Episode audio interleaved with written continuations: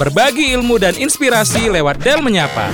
92,4 Del FM Connecting You to Toba. Dindel Morning teman Del barengan Nom Nom Denis kita masuk di segmen Del Menyapa dan masih edisi 20 tahun bersama Yayasan Del kita terhubung dengan Bapak Johannes sebagai dosen di Fakultas Teknologi dan Sistem Informasi. Selamat pagi. Selamat pagi Pak. Selamat pagi.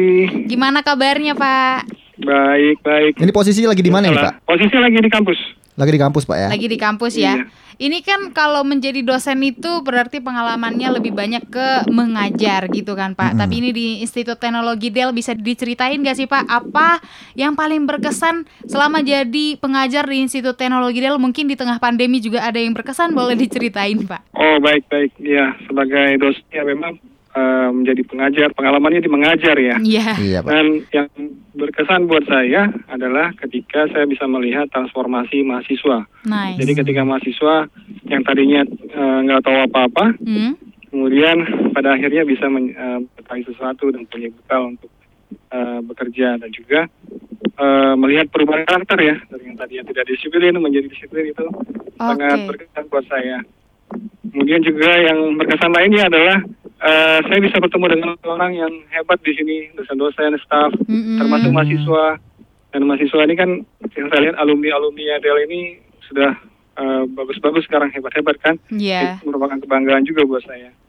Oke. Kemudian juga bisa ketemu eh, tamu-tamu yang Ya. namanya pejabat-pejabat ya. Hmm. Baik Juga- dari kenegaraan gitu ya Pak satu ya. lagi eh, saya ketemu istri saya tuh di sini. Jadi ya sangat berkesan ya. Wah. That's the point. Kalau sekarang kan Pak nih masih menjalani PJJ nih Pak ya, Iya. pendidikan jarak jauh.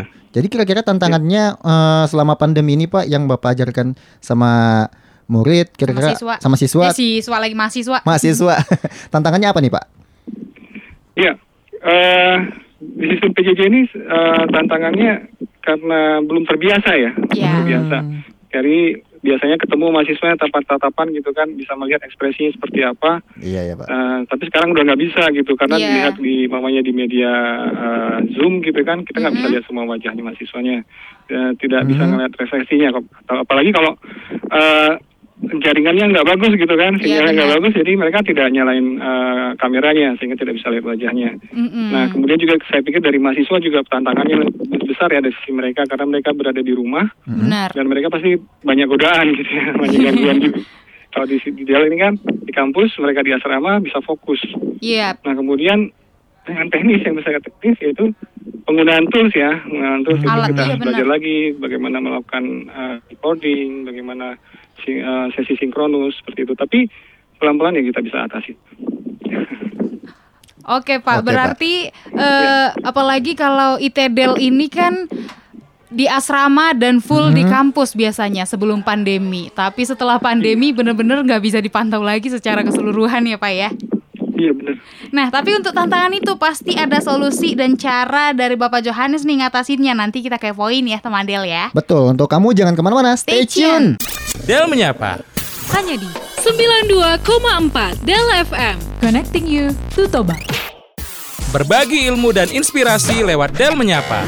Del FM 92,4 barengan Nom Nom Denis kita masuk di segmen Del Menyapa dan di line telepon kita sudah terhubung dengan Bapak Johannes sebagai dosen teman Del. Dan gimana nih Pak, Bapak mengatasi tantangan tersebut hingga proses belajar mengajar tetap berjalan baik nih Pak? Iya tantangan yang tadi kita omongin di awal ya Pak ya.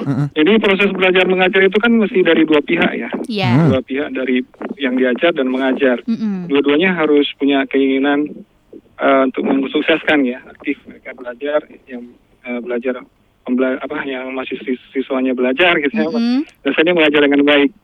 Nah, ibaratnya kalau kita menuangkan air ke dalam gelas, kalau gelasnya ditutup, ya kan airnya tumpah. Yes. kalau dosen mengajar, mahasiswanya tidak mau menerima, ya ilmunya terbuang. Mm-mm. Nah, karena di Del ini mahasiswanya ya bisa saya bilang eh, pembelajar ya, mereka Hmm. ta- pembelajar yang tangguh gitu. Mm-mm. Jadi eh, apa namanya mereka nah, bisa menyesuaikan lah, misalnya menyesuaikan ini mereka punya keinginan yang kuat untuk belajar Hmm? sehingga eh, persoalan-persoalan apa pun yang dihadapi seperti persoalan di rumah, di gangguan di rumah, mereka bisa atasi itu, bisa fokus Tapi memang tidak serta merta ada proses untuk mencapai itu. Yap. Tapi pada akhirnya bisa diatasi dari kedua belah pihak. Gitu.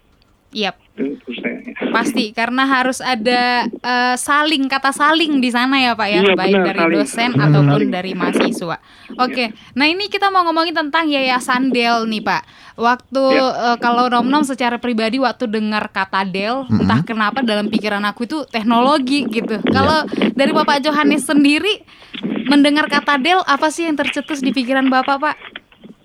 Kalau saya karena Del itu katanya selangkah di depan ya, Oke. Ya. jadi pemimpin. Itu sih selalu yang saya apa? eh, kalau dimikirkan Del pasti bisa harus selangkah di depan dan jadi pemimpin. Waduh, mantap. Jadi orang-orang yang terdepan dalam generasi. Kira-kira Bapak eh, kerja selama di ITDL ini udah berapa tahun nih Pak? Eh, sudah berapa ya tahun 2002 sampai sekarang udah hampir 20 ya. Oh, Wow, 19 tahun ya, Pak ya? 19 lah ya. 19 tahun nih ya Pak ya? 19 tahun. Hampir kayak umurnya Del eh, yang udah Beda 20 setahun tahun. doang, ya. Betul. Mungkin waktu membangun pondasi doang Bapak Johannes nggak jumpa nih. Iya, setahun dulu, tunggu kelar dulu nih gedung ya kan semuanya baru datang Pak, Iya. Pak Johannes. Ini Kira-kira ada nggak sih Pak sosok eh, yang Bapak kagumi dan menjadi panutan dalam berkarya di Del ini Pak? Mm-mm. Yang saya kagumi banyak ya, termasuk the founding father of Akidal itu saya saya kagum banget ke Bapak LBP. Pak Luhut ya. Ya. Iya Pak. Luhut saya kagum.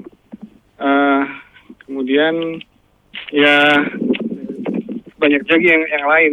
Kalau tadi eh, apa namanya menjadi panutan sih untuk menjadi panutan.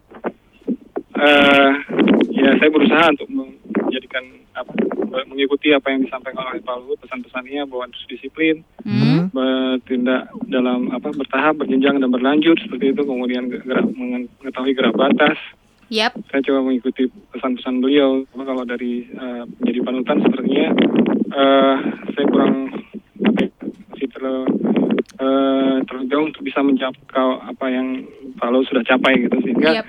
ya saya bisa bilang mengagumi saja lah sampai di situ Oke Pak. Tapi 19 tahun itu udah pasti waktu yang panjang untuk bisa memberikan kontribusi di yayasan loh Pak loh. Iya. Dan mungkin nilai itu juga yang dilihat dari seorang panutan kita itu mungkin eh, bisa dipelajari bukan jadi 100% tapi mungkin nilai-nilai dari dia bisa kita pelajari 0,5%. Oh, iya. Mudah-mudahan bisa dapat gitu ya, Pak. iya benar-benar Oke, nanti kita kepoin lagi teman Del karena masih merayakan 20 tahun bersama Yayasan Del. Kita mau tanya point of view dari Bapak Johannes nih tentang Yayasan Del sendiri. Nanti jangan ke mana-mana. Stay tune cuma di Del FM. Del menyapa. Hanya di 92,4 Del FM. Connecting you to Toba. Berbagi ilmu dan inspirasi lewat Del menyapa. 92,4 Del FM connecting you to Toba. Teman Del masih di Del menyapa, masih terhubung dengan Bapak Johannes, dosen di Institut Teknologi Del di Teknologi dan Sistem Informasi. Kita mau lanjut tanya lagi nih Pak. Ini kan Del udah di usia 20 tahun ada di tengah masyarakat dari berbagai eh, unit gitu. Ada sekolah, ada kampus, ada radio, ada untuk sosial, budaya semuanya ada. Kira-kira untuk Institut Teknologi Del sendiri, apalagi Bapak udah 19 tahun nih, apa sih perbedaan yang sangat Bapak rasakan sampai saat ini? Kalau yang saya saya rasakan kita bisa lihat fisikalnya ya, Hmm? yang kasat mata terlihat gitu ya. Perkembangan ada bangunan Hmm. gedung, kemudian ada perubahan dari politeknik menjadi institut, ITDL. kemudian fakultas prodi, fakultas Hmm. bertambah, jumlah mahasiswa juga bertambah banyak ya, Iya. 1.500-an. Kemudian sebagai institusi juga berkembang ini, karena orang-orang di dalamnya juga bertumbuh dan berkembang ke arah yang lebih baik. Yes, Jadi semakin bertumbuh lah, saya, saya bisa bilang semakin baik gitu. mantap. Mantap. nah, Bapak sendiri kan sudah 19 tahun nih bekerja di Yayasan Del. Hmm? Dan kira-kira untuk harapan dan saran dari Bapak sendiri untuk Yayasan Del dan ITDL untuk ke depannya itu apa nih Pak?